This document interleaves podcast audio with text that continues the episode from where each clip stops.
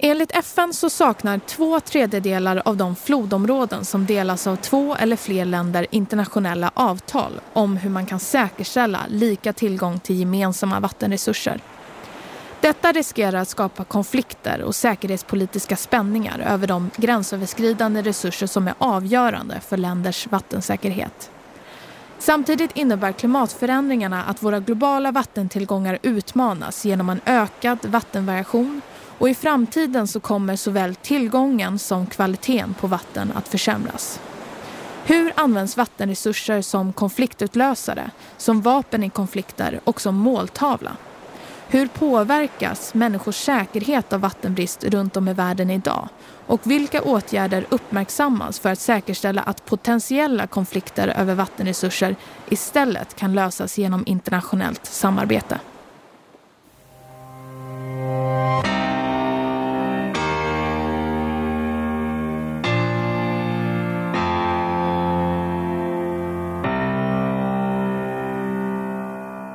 Mitt namn är Hanna Wallan-Fager och jag arbetar med programområdet Globala säkerhetstrender på Folk och Försvar. I det här podcastavsnittet kommer vi att tala om hur gränsöverskridande vattenresurser kan leda till säkerhetspolitiska spänningar och konflikter runt om i världen. Men vi kommer också att diskutera hur vattentillgångar kan leda till samarbete och hållbara vattenavtal istället för konflikt. Och även hur klimatförändringarna påverkar de globala vattentillgångarna och hur framtidsutsikterna för vattensäkerhet ser ut. Jag är väldigt glad att ha med mig två kunniga gäster för att tala om dessa frågor.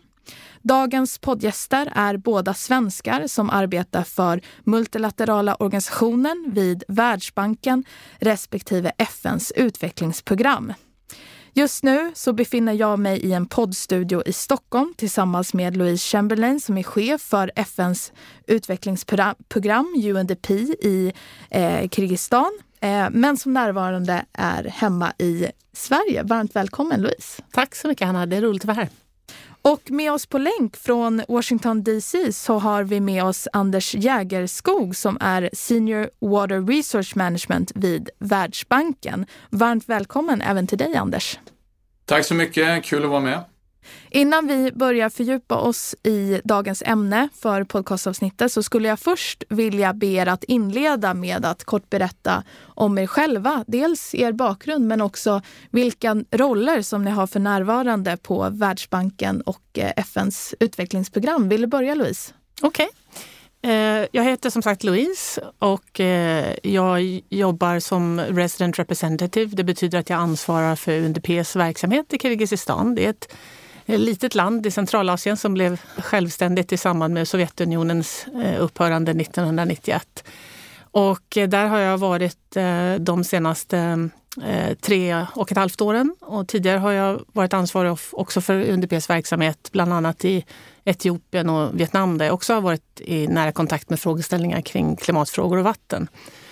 UNDP är ju då FNs utvecklingsprogram som du nämnde och vi arbetar i 170 länder runt om i världen med tre breda fokusområden. Fattigdomsbekämpning, strukturomställningar och att bygga resiliens eller förebyggande av kriser och katastrofer av olika eh, sorter för att också minska ojämlikhet och bidra till människors eh, utveckling. Tack! Och Anders, eh, vill du berätta om dig själv? Ja, eh, tack, tack så mycket. Jag eh, jobbar för närvarande som eh, eh, program manager och, och, leder en trust fund, eh, som det kallas, en, en, fond kan man säga, som eh, Världsbanken eh, hanterar för eh, gränsöverskridande vatten i Afrika ehm, och har gjort det ett, ett tag. jag har också en annan roll som fokalpunkt för gränsöverskridande vatten globalt på Världsbanken. Så, eh, så det är de två roller jag har tidigare. Jag har, jag har en tidigare bakgrund ehm, på eh, UD i Sverige, på Sida, eh, har jobbat på olika ambassader tidigare, jobbade också för Stockholm International Water Institute eh, i Stockholm. Eh, jobbat för UNDP också eh, delvis, ehm, men eh, också en forskningsbakgrund där eh, min avhandling faktiskt handlade om just gränsöverskridande vatten mellan eh, Israel och Palestina och Israel och Jordanien. Och framförallt från ett politiskt eh, konfliktperspektiv snarare än från ett kanske framförallt hydrologiskt perspektiv. Så det är lite, lite min bakgrund. Jätteroligt att ni båda är här. Och jag tänkte att det är viktigt att först börja med att försöka förstå hur de globala vattentillgångarna ser ut idag och vilka utmaningar som tornar upp sig på himlen rörande vattensäkerhet och kanske framförallt vad vattenbrist kan få för konsekvenser för människors säkerhet. Och lite kort om bakgrunden att den globala vattenanvändningen har ökat sexfaldigt under de senaste hundra åren och användningen ökar med cirka 1 varje år, bland annat med anledning av jordens befolkningsökning men också ekonomisk tillväxt och eh, ändrade konsumtionsmönster. Och samtidigt så har FNs World Water Development Report uppmärksammat att klimatförändringarna kommer ha en väldigt negativ påverkan på de globala vattentillgångarna. Såväl tillgänglighet som kvalitet och kvantitet kommer att påverkas. Så med den bakgrunden, hur skulle ni inledningsvis vilja beskriva våra grundläggande behov till vatten idag? Och det kan ju röra allt ifrån dricksvatten men också som jordbruk och eh, energiproduktion. Vill du börja Anders? Det man kan väl säga rent generellt är att jag menar, vi alla behöver ju vatten och, dricka. Vi behöver, eh, vi behöver mat för grundläggande hygien, eh, toalettbehov och så vidare. Och det är en, det är en jätteviktig eh, fråga som, som Världsbanken och, och många andra eh, jobbar, jobbar hårt för att försöka tillse eh, i, i utvecklingsländer. Eh, det, en, en, annan viktig aspekt, också för, för, att få lite, lite perspektiv på liksom kvantiteten eh, av, av, vatten som behövs för olika, eh, olika saker så att säga. Eh, I en region som Mellanöstern, som ju är, alla känner till att det, det, det är torrt där, där eh, används ungefär 80 procent eh, Lite varierande mellan olika länder men, men i genomsnitt 80 procent av allt färskvatten för att producera eh, mat. Eh, så den stora vattenkonsumenten speciellt i torra områden, eh, är, eh, går till jordbruksproduktion och bevattning. Eh, och det, det är en utmaning redan idag, speciellt i torra regioner. Det vi kan se framför oss, speciellt i regioner såsom Mellanöstern, eh, är att det kommer bli eh, ytterligare svårare så att säga eh, eftersom variabiliteten i vattentillgången kommer att öka. Vi har redan sett att den ökar. Det kommer att öka sannolikt mycket mer. Det kommer att bli torrare och varmare vilket gör att mer vatten avdunstar. Eh, även om man, man bevattnar. Så det kommer behövas mer vatten för att producera ungefär samma mängd mat. Eh, så det är en stor utmaning. Ehm, man kan se på det här från, från lite olika sätt också. Det, det som man inte då kan producera i Mellanöstern och det, det eh, knyter an lite till temat eh, vi har idag. Eh, man, man, såg att det inte fanns tillräckligt med vatten i Mellanöstern tidigare för att producera den mat som behövdes. Då tänkte man att ja, det kommer bli konflikter där. Men eh, det vi kan se, och det är, en, det, är en, det är en möjlig hjälp, det är att i regioner eh, där eh, det finns mer vatten eh, kan man då producera och exportera eh, maten då och i, i det in, indirekt då det virtuella vattnet som man säger på forskarspråk eh, som då finns, eh, i, finns eh, har använts för att producera till exempel ett kilo ris eller ett kilo vete. Jag kan gå in på det lite mer eh, senare om hur mycket, hur mycket vatten som faktiskt behövs där. Mm. Tack Anders och eh, Louise med ja. dina perspektiv från FNs utvecklingsprogram. Eh, egentligen det jag vill lägga till till vad Anders redan har sagt är väl egentligen att, att eh, vatten eh, berör så många andra områden i livet och samhället. I fattiga områden då så är det ofta så att framförallt kvinnor och, och, och ibland barn måste gå långa vägar för, för att hämta vatten när det inte finns tillgängligt. Vi är beroende av infrastruktur som transporterar vatten från den plats där det finns eller uppkommer till där det behövs användas. Och där så finns det ju till exempel i jordbruket också stora produktivitetsproblem därför att man helt enkelt inte har fungerande bevattningssystem eller att de bevattningssystemen läcker eller, eller är ineffektiva. Och det har i sin tur då väldigt stor påverkan på hur, hur effektiv ekonomin blir och, och, vad det kostar att producera mat. Då. Och, och sen påverkan socialt också med hälsa. Eh, när det inte finns tillräckligt med vatten då, då uppstår det fler sjukdomar och, och eh, befolkningen blir mer känslig. Så att, så att återigen då så är fattiga människor mycket mer eh, påverkade medan resursstarka samhällen kan ju investera mycket mer i, i, i, infrastruktur som jämnar ut tillgången på vattnen och, och, kanske till och med i vissa fall som, som man gör i Israel, avsalta vatten för att ha mer tillgång på vatten och så vidare. Så det, det, det är väldigt integrerat med, med många andra eh, samhällsfunktioner och, och sektorer.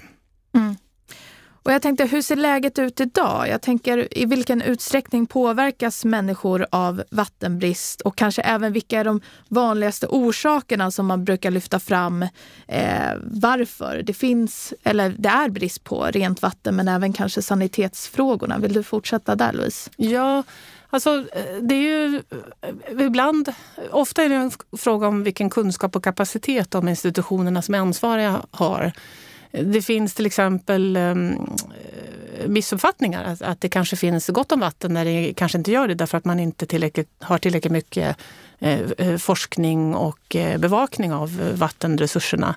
Ehm, och man behöver helt enkelt övervaka hur mycket vatten det finns och, och hur tillgången kommer att se ut på, på sikt. Vi brukar ju prata om att vatten är en förnybar resurs och det är den ju i och för sig fast i ett väldigt långt tidsperspektiv. Så att för en mänsklig tidsålder så är ju vatten i högsta grad begränsat.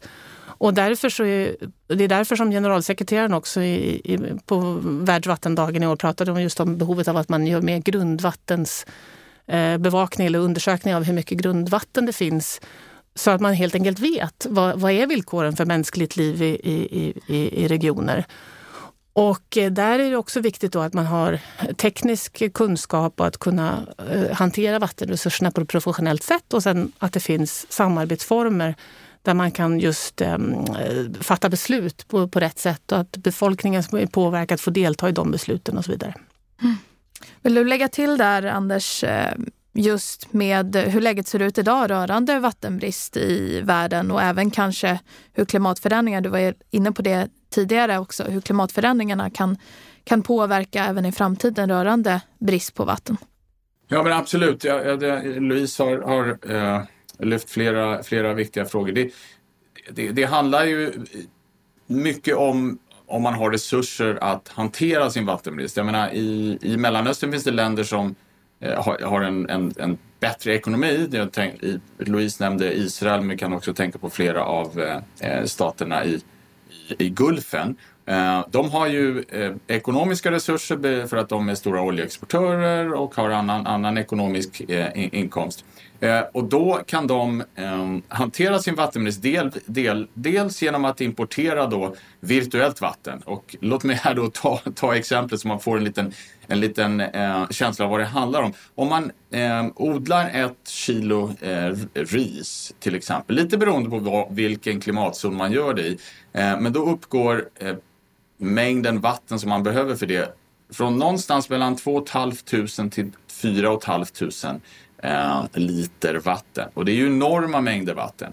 Eh, så när, du, när, när man köper i affären eh, ett, ett, ett, ett, rispaket, då har det gått åt eh, eh, ganska mycket vatten för att producera här. Och om man då i ett torrt område som, som eh, flera av länderna i Mellanöstern eh, inte kan producera allt det man behöver, då kan man importera det. Då genom, genom att importera ett kilo ris eller ett kilo vete som, som kräver kanske tusen, tusen liter eh, vatten för att produceras. Då importerar man ju vatten eh, och på så sätt löser delar av den här vatten, eh, vattenbristen. Men det kräver ju också att man har en ekonomi som är bärkraftig och man, man får inkomster på annat sätt så att man faktiskt kan importera detta.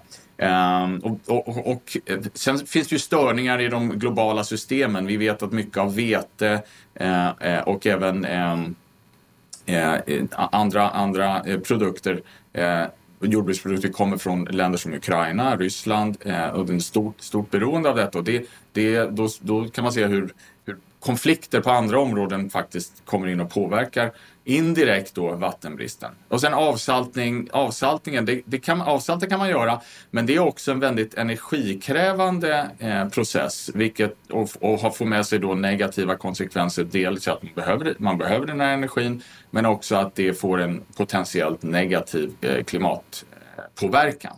Mm. Ytterligare fråga till dig Anders, eh, med utgångspunkt att många forskare har uppmärksammat att länder tenderar att lösa gränsöverskridande vattenresurser genom samarbete och mellanstatliga avtal snarare än att konflikter faktiskt utbryter. Så jag tänker i din roll som senior specialist för just hantering av gränsöverskridande vattenresurser vid Världsbanken. Hur skulle du beskriva vikten av så kallad eh, water governance och även eh, just vikten av diplomati och internationellt samarbete gällande eh, gränsöverskridande resurser? Ja, men det, det, det är helt korrekt det du, det du säger att, att stater tenderar eh, över tid att finna vägar för att samarbeta eh, när de delar en flod eller en grundvattenresurs eller en, en, en, en sjö som, eh, som, som flera länder är, är beroende, beroende av. Eh, det betyder ju inte att det inte, det finns ju ofta då både konflikt och samarbete. Och vad, vad vi försöker göra på Världsbanken det är och och möjliggöra eh, både tekniska eh, såväl som infrastrukturlösningar för att underlätta eh, det gemensamma hanterandet av, av eh, vattenresursen. För vi tror, eh, jag är ganska övertygad om att om man, om man kommer tillsammans mellan länder eh, och, och arbetar fram planer för hur man ska hantera en, en, en, en flod till exempel eh, och istället för att alla gör lite som, som man själva eh, vill så att säga, eh, så blir det, blir det bättre. Man kan eh, få eh, en, en, en större eh, Dels ett större förståelse för varandra, ett större samarbete eh, och faktiskt om man gör det på ett rationellt sätt åstadkomma eh, någonting som är, som är positivt för alla. Man rör sig från ett så kallat nollsummespel till någonting som eh, som kanske kan bli större än, än eh, att ett plus ett blir två.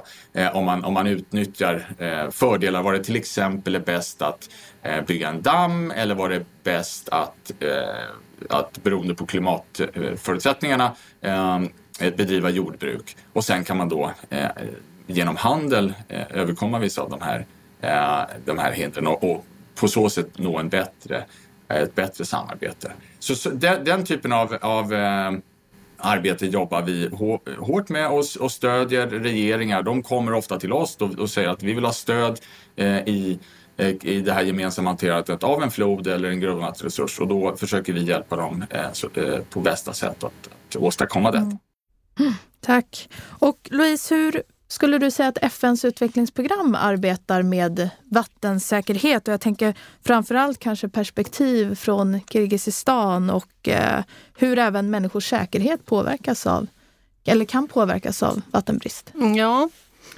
Låt mig börja lite grann med att utveckla vidare vad Anders pratar om när det gäller water governance. Mm. Jag, jag, tänker att det är um, en viktig anledning till att, man, att det är absolut nödvändigt att ha det det är att vattenresurserna är oftast eh, ojämlikt fördelade. Eh, ibland även orättvist eh, beroende på vem, vilket perspektiv man har. Men, eh, så det är alltid ett behov av att, av att fördela resurser på ett sätt som eh, ger alla tillgång till vatten.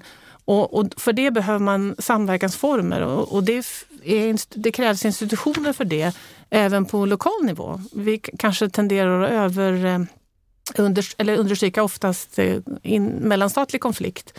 Men inom länder så finns ofta den här konflikten eh, till och med ner på bynivå.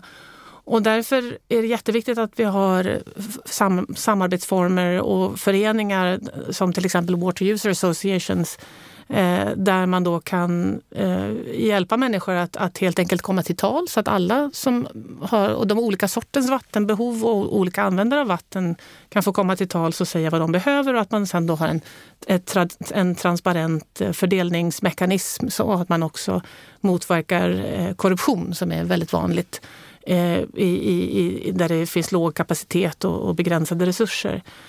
Så, och det kan vara som också leda till praktiska frågeställningar.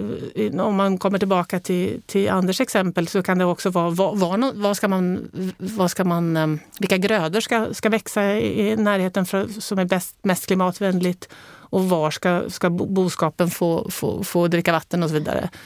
Så att, så att många sådana lokala eh, frågor kan hanteras på ett väldigt bra sätt genom water governance och det är viktigt när det, rent principiellt att lokala samhällen, att, att, att befolkningen får delta. Och det handlar både om kvinnor och män och olika grupper i samhället. Och sen jobbar vi med att minska risker. Risker för naturkatastrofer som kommer till följd av ökat, eh, eh, ökat klimat, eh, klimateffekter. Att minska, eh, att öka användningen av teknik för att för, för förebygga risker och för att förutsäga framförallt. När det gäller klimatförändringarna så är ett av de största problemen att vi, vi kan inte... Ja, att klimat eh, vädret blir allt mer eh, svårförutsägbart. Mm. Och det har ju stora eh, effekter på, på jordbruket och andra sektorer i ekonomin. Så att eh, om vi kan hjälpa till att, att uh, helt enkelt uh, hitta former för att arbeta där, där, där man kan förebygga klimatrisker så har det en, en, en stor inverkan.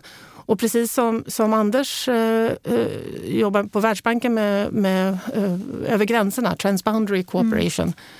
så eh, jobbar vi också och hjälper länderna att samarbeta under regionala arbetsformer eh, eh, Eh, eh, eh, för att kunna lösa vattenkonflikter. Just i Kirgizistan så, så finns det ju ett antal olika samverkansformer som, som faktiskt fungerar i tillägg till den pågående konflikten med ett av grannländerna nu. Så, det, så det finns mycket vi kan göra för att stärka kapaciteten att delta i samverkansformer eller att utveckla samverkansformer.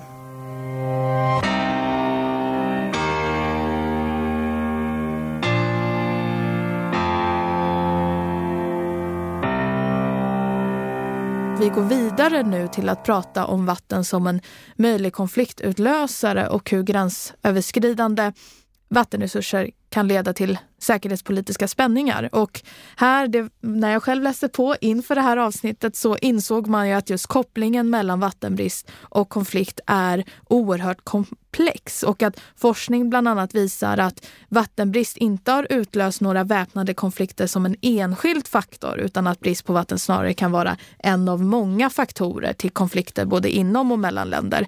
Så utifrån det, hur skulle ni säga att vi kan förstå den här komplexa kopplingen mellan vattenbrist och konflikt? Eh, vad kan vi dra för slutsatser och i vilka fall kan snarare begreppet vattenkonflikt eller eh, krig över vattenresurser göra att man hamnar fel eh, i relation till den empiriska forskningen eh, som vi ser. Vill du börja Anders?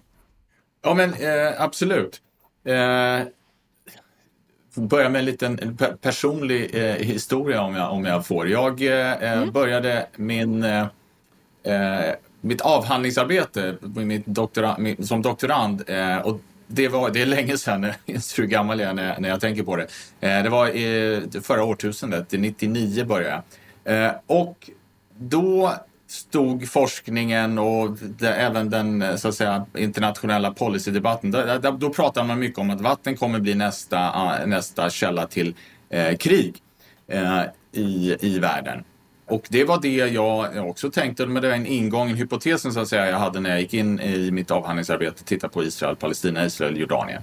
Eh, men relativt snabbt så insåg jag att även i, i de fallen där ju, you know, konflikten är eh, allestädes närvarande, eh, både då och idag tyvärr, eh, där hade man samverkansformer eh, och man, en av de få områden man, man lyckades hitta, inte ett perfekt samarbete på något sätt, men ändå en slags grundläggande samarbete. Det var just eh, kring vatten. Eh, och forskningen den, den, har rört sig då från att först eh, peka på att ja, men vatten kommer bli källa till konflikt. Man tittade då kanske lite för mycket på vissa, vissa eh, uttalanden från, från politiker, inklusive från Världsbanken eh, eh, då. Um, men sen tittade man på hur det, började man titta mer kvantitativt hur det faktiskt ser ut och då, då insåg man att ja, men det finns mycket mer avtal, det finns mycket mer um, händelser som är på den, eh, på den, som lutar mer åt samarbete än, än konflikt. Det betyder inte att det inte finns lite av, av, av båda hela tiden, men det leder inte till krig. Det har man eh, lyckats bevisa ganska tydligt. Så nu har man i forskningen då mer börjat fokusera på ja, men vad är det för kvalitet på samarbetet vi ser idag. Hur kan, eh, hur kan man få det att bli ett rättvist samarbete som bidrar till alla, alla parter, eh, parters utveckling? Och där, där någonstans står forskningen nu. Det är också där vi står eh, lite grann som, som, som en multilateral organisation. Vi försöker se till att eh, när vi går in eh, baserat på att länderna kommer till oss och frågar om Eh, om, om vi kan hjälpa dem och stödja dem. Eh, hur, hur, hur kan det bli ett samarbete där, där utveckling sker, där vi bidrar eh, genom det stöd som vi kan ge till regional integration, eh, till fördjupat samarbete och, och, fred på ett sätt. Eh, så, så det, det, finns många bottnar i det här och, eh, och det är mycket mer komplext än att säga att ja, nej, det leder till samarbete, nej, det leder till konflikt. Det leder till lite av både och. och det, det, det som vi försöker göra då eh, från Världsbankens sida, det är att, att, att försöka röra ehm, eh, ja, stödja länderna att, att röra sig mer mot, mot, mot samarbete och därigenom också utveckling, vilket är, är vårt primära, eh, primära eh, mandat. Mm. Ja, jätteintressant att höra mer om det och jag tänker Louise, du har ju både perspektiv både där du är nu, chef för eh, UNDP i Kirgizistan, eh, där man ser en konflikt med grannlandet Tadzjikistan, där konflikt över vattenresurser och tillgången till vatteninfrastruktur är en faktor, men kanske en faktor av flera. Så vill du berätta lite mer om det? Alltså, eh, den, vi pratade om Fergana Valley, ett område som, som är en, en, en eh, intressant, eh, färdigglad och multidynamisk region i Centralasien där, där Kirgizistan, Tadzjikistan och Uzbekistan kommer tillsammans. Och det, det, landgränserna där sträcker sig ungefär som en labyrint. Eh, I Kirgizistan har den liksom en lång landtunga som går in i de andra två. Det är enklaver och exklaver som gör att det, det på grund av den här jättelånga och, och, komplicerade gränsdragningen som inte har lösts så har man inte heller... Ja, då, därför så delar man ju ett antal naturresurser och framförallt eh, eh betesmarker och, och, eh, och, och vattentillförsel. Eh, så det är ett antal olika vattendrag som korsar gränserna där. Och då, eh, när då i ett, i ett sammanhang med, med alldeles för hög befolkningstillväxt och, och, för låg ekonomisk tillväxt under en längre tid så har det lett till en tilltagande konkurrens eh, om naturresurser och olika former av eh, appropriering och, och påfrestningar och, och, eh, och viss ojämlikhet också. Och då, där är det har det också varit olika tolkningar. Eh, vad som händer då är att eh, förstås eh, att båda länderna försöker tillskansa sig så mycket som möjligt av de resurser som finns. Och, och, och, och, befolkningen är i huvudsak beroende av jordbruk och boskapsskötsel och då med ot otillräcklig investering i infrastruktur och stor läckage av vatten och man inte har redskap på lokal nivå att lösa konflikterna Eh, och, och tillägg till det då så finns det de som vill antingen spoliera konflikten för att de har till exempel eh, geopolitiska syften. Det finns också mm, otillbörliga transporter av eh, eh, och smuggling av narkotika och andra sådana saker som, som gör att det blir väldigt eh, Ja, det finns många eh, faktorer som, som spelar in i den här konflikten.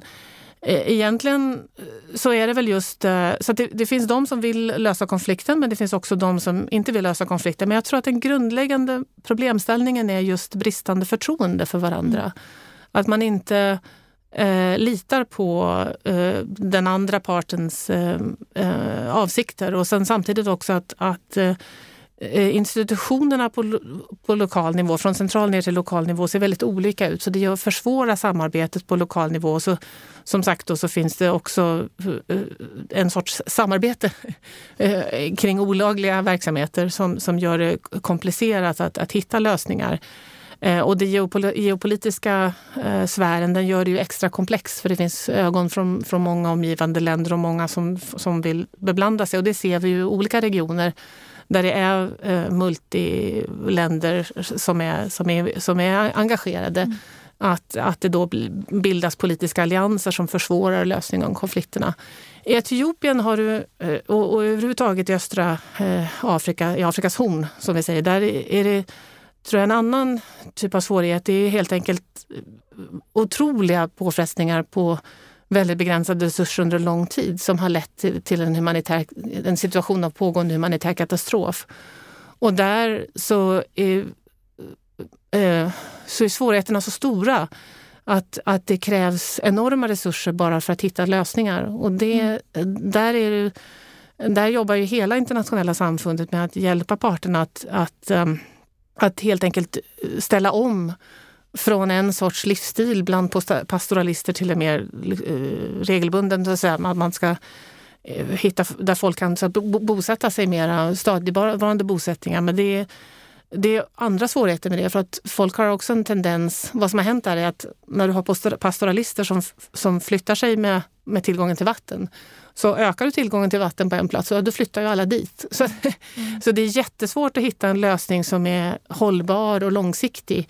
Och en viktig sak som FN har gjort där är att, att just undersöka till den långsiktiga tillgången med, med satellitundersökningar.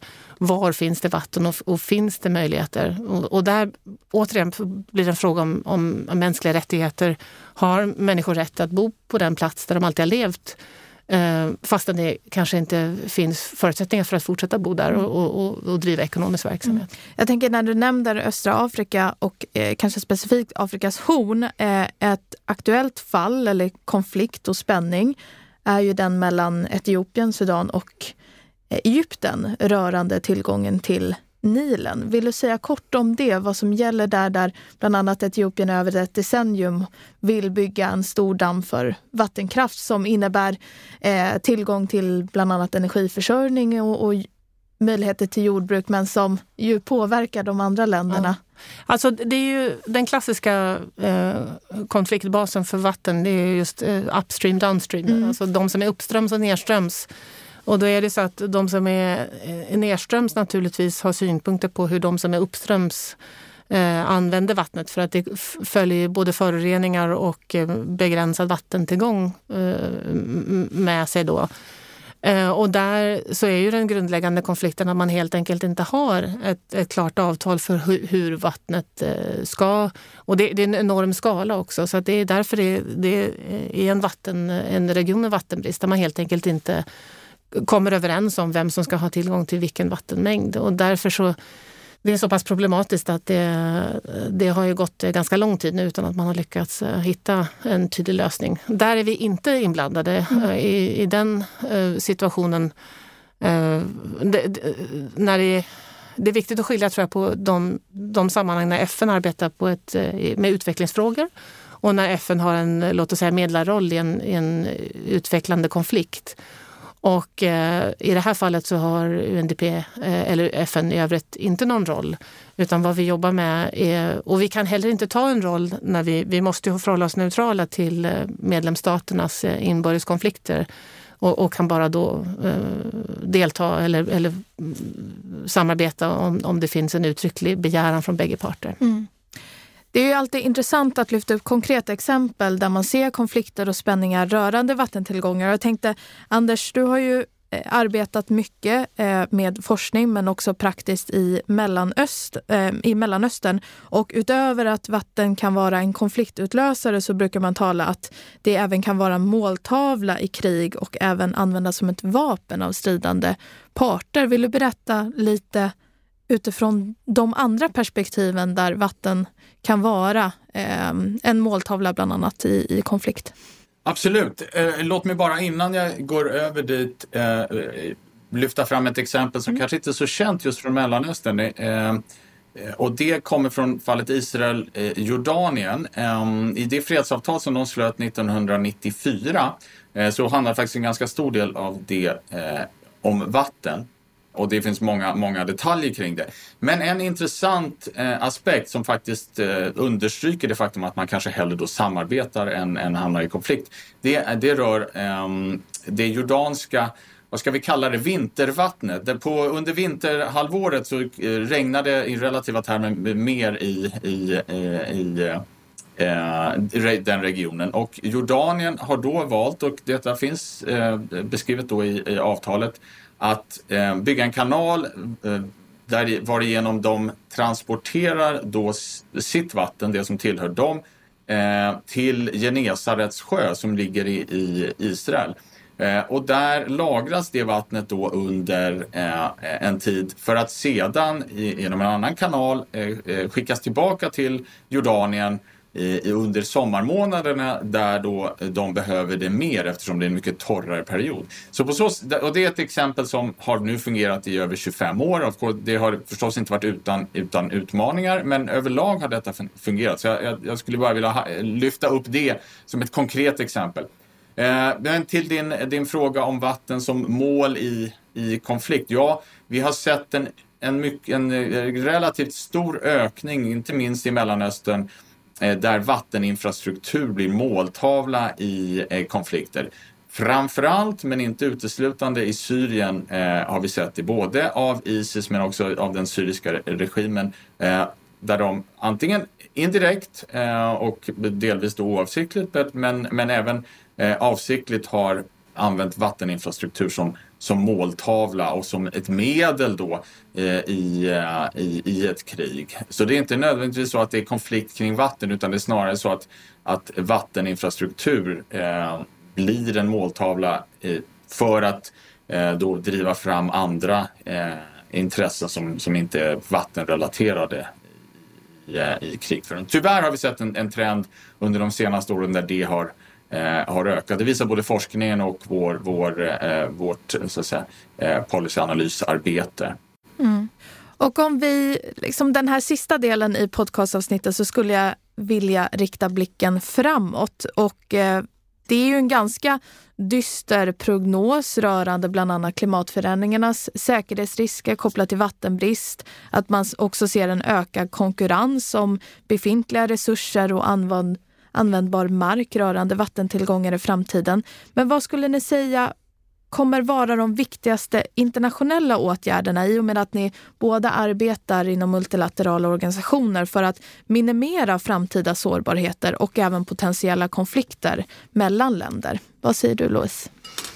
Ja, för det första är det ju jätteviktigt att, eh, att man har en eh, global diskussion om de här frågorna. Det globala samarbetet eh, under FNs olika organ och andra internationella eh, konferenser där etableras ju normerna. Där mm. bestämmer länderna gemensamt vad är det som ska gälla, vad är det som är viktigt. Och där Parisavtalet är ju en jätteviktig del av det normverket eh, där man har eh, kommit överens om att man måste minska på effekten av klimatförändringarna.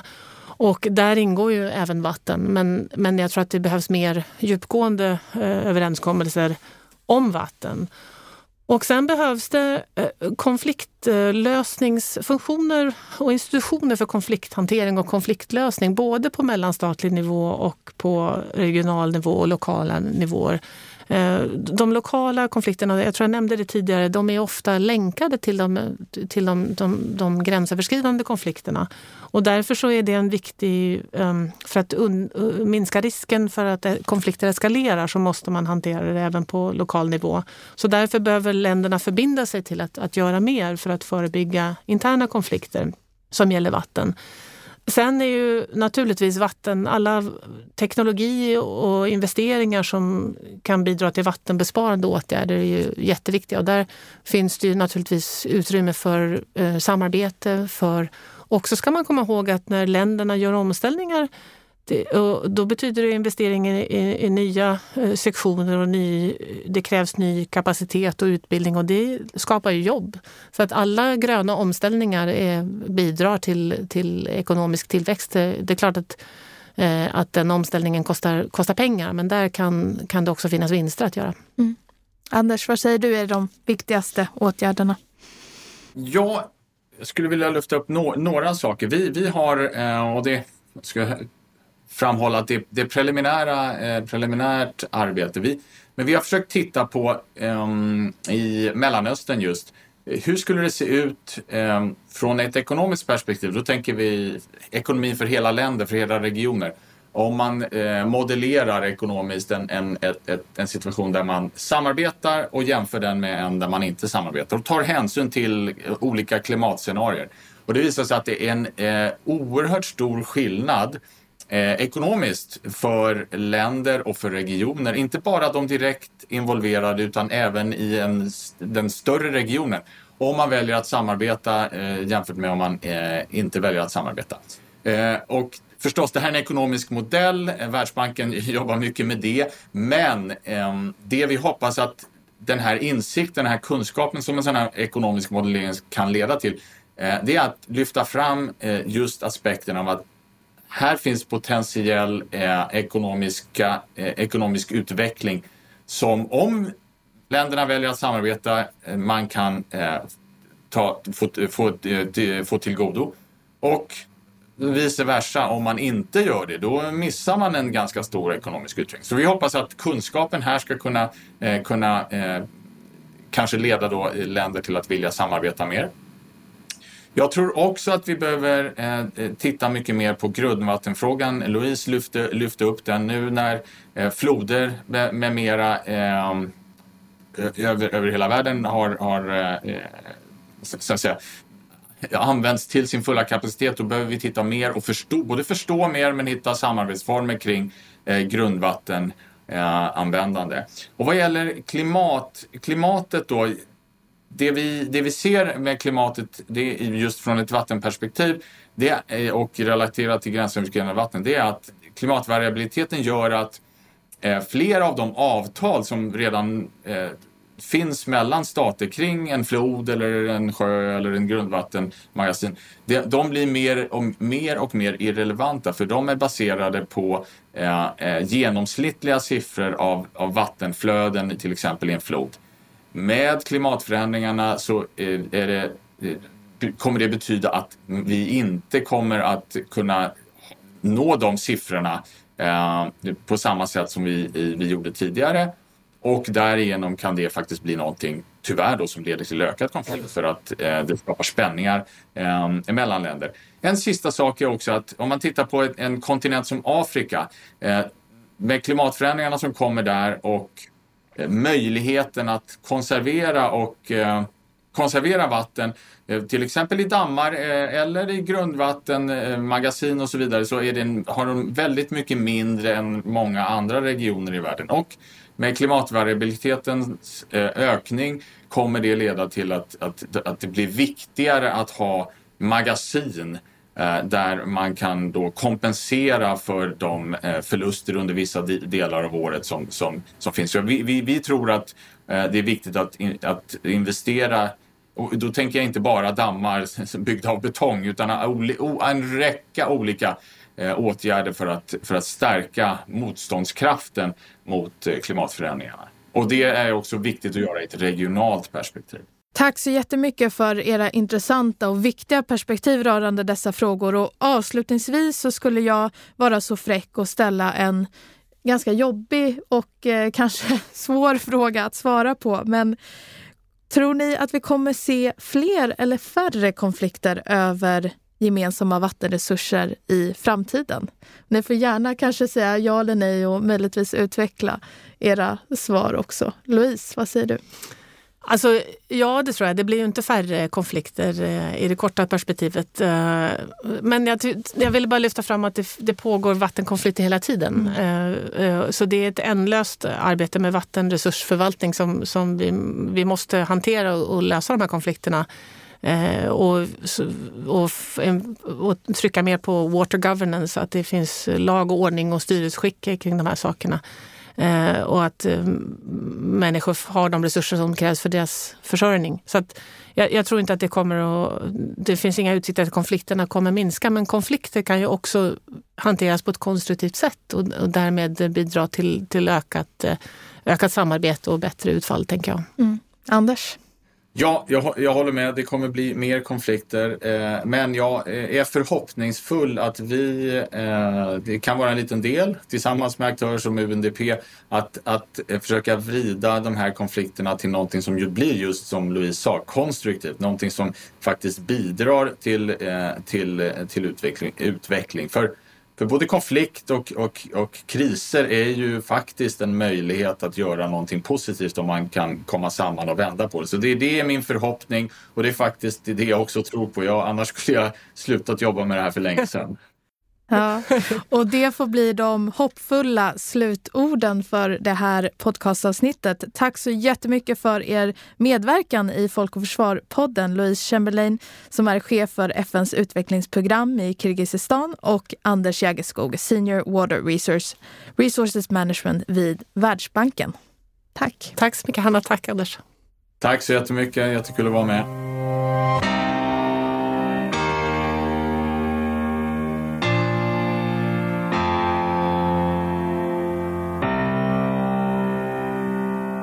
Allt för det här podcastavsnittet där vi har fördjupat oss i frågan om globala vattentillgångar med ett särskilt fokus på hur gemensamma vattenresurser kan innebära risker för konflikt och säkerhetspolitiska spänningar.